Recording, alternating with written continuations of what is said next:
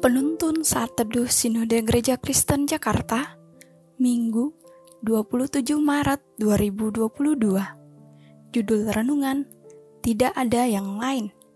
Nats Alkitab terambil di dalam kitab Lukas pasal 14 ayat 25 sampai 26 Pada suatu kali banyak orang berduyung-duyung mengikuti Yesus dalam perjalanannya Sambil berpaling, ia berkata kepada mereka, "Jikalau seorang datang kepadaku dan ia tidak membenci bapaknya, ibunya, istrinya, anak-anaknya, saudara-saudaranya, laki-laki atau perempuan, bahkan nyawanya sendiri, ia tidak dapat menjadi muridku."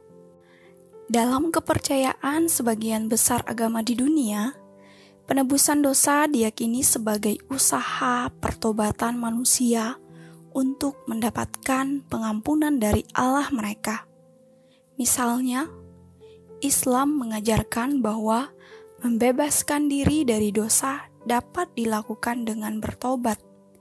Dalam ensiklopedia Islam, Fungsi dan tujuan tobat bukan hanya sebagai penghapus dosa, melainkan juga sebagai sarana untuk mendekatkan diri kepada Tuhan. Contoh lain, agama Yahudi mengajarkan penebusan dosa dengan cara membakar korban penebusan, berpuasa, pemberian sedekah, dan mempelajari Taurat. Mereka percaya bahwa penebusan dosa membutuhkan usaha manusia. Kekristenan mengajarkan sesuatu yang berbeda. Yesus mengajarkan inisiatif pertobatan bukan datang dari manusia, namun dari Allah. Allah mengutus satu-satunya anaknya yang tunggal untuk mati disalibkan demi penebusan dosa manusia jika Yesus adalah satu-satunya penebus kita, apakah kita sudah menjadikan Dia sebagai satu-satunya yang terutama di dalam hidup ini, atau hanya menjadi salah satu yang utama? Pada masa itu, banyak orang mengikuti Yesus hanya untuk menonton mujizat dan penyembuhan. Ada pula hanya karena mau makanan mereka menjadikan Yesus sebagai salah satu sumber kehidupan dan kebahagiaan. Namun, Yesus mengatakan bahwa konsekuensi untuk mengikutnya adalah membenci keluarga, bahkan nyawanya sendiri. Tentu saja, membenci keluarga akan bertentangan dengan ajaran Yesus yang lainnya.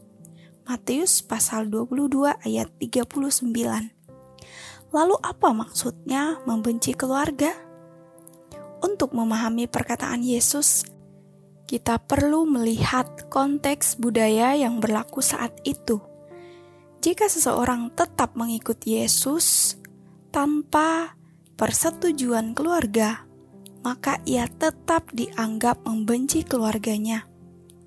Keputusan mengikut Yesus dapat berarti mengabaikan tantangan keluarga dan pergi meninggalkan mereka.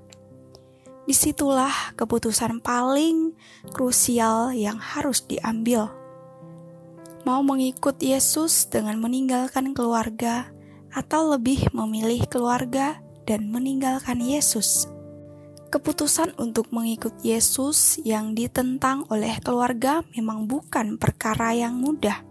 Misalnya, keputusan untuk beribadah di gereja dan dibaptis, meski keluarga sudah melarang. Risikonya kita dimusuhi, bahkan dianiaya. Menjadikan Yesus sebagai satu-satunya yang utama dalam hidup memang berisiko dibenci keluarga, terlebih jika tidak seiman dengan kita. Namun, harga yang harus dibayarkan tidak akan berakhir dengan sia-sia kita akan menjadi orang yang berbahagia karena Yesus yang akan menolong dan memampukan kita untuk mengikutinya. Kebahagiaan murid Kristus adalah menjadikan Yesus sebagai satu-satunya yang berarti dalam hidupnya. Amin. Terima kasih, Tuhan Yesus memberkati.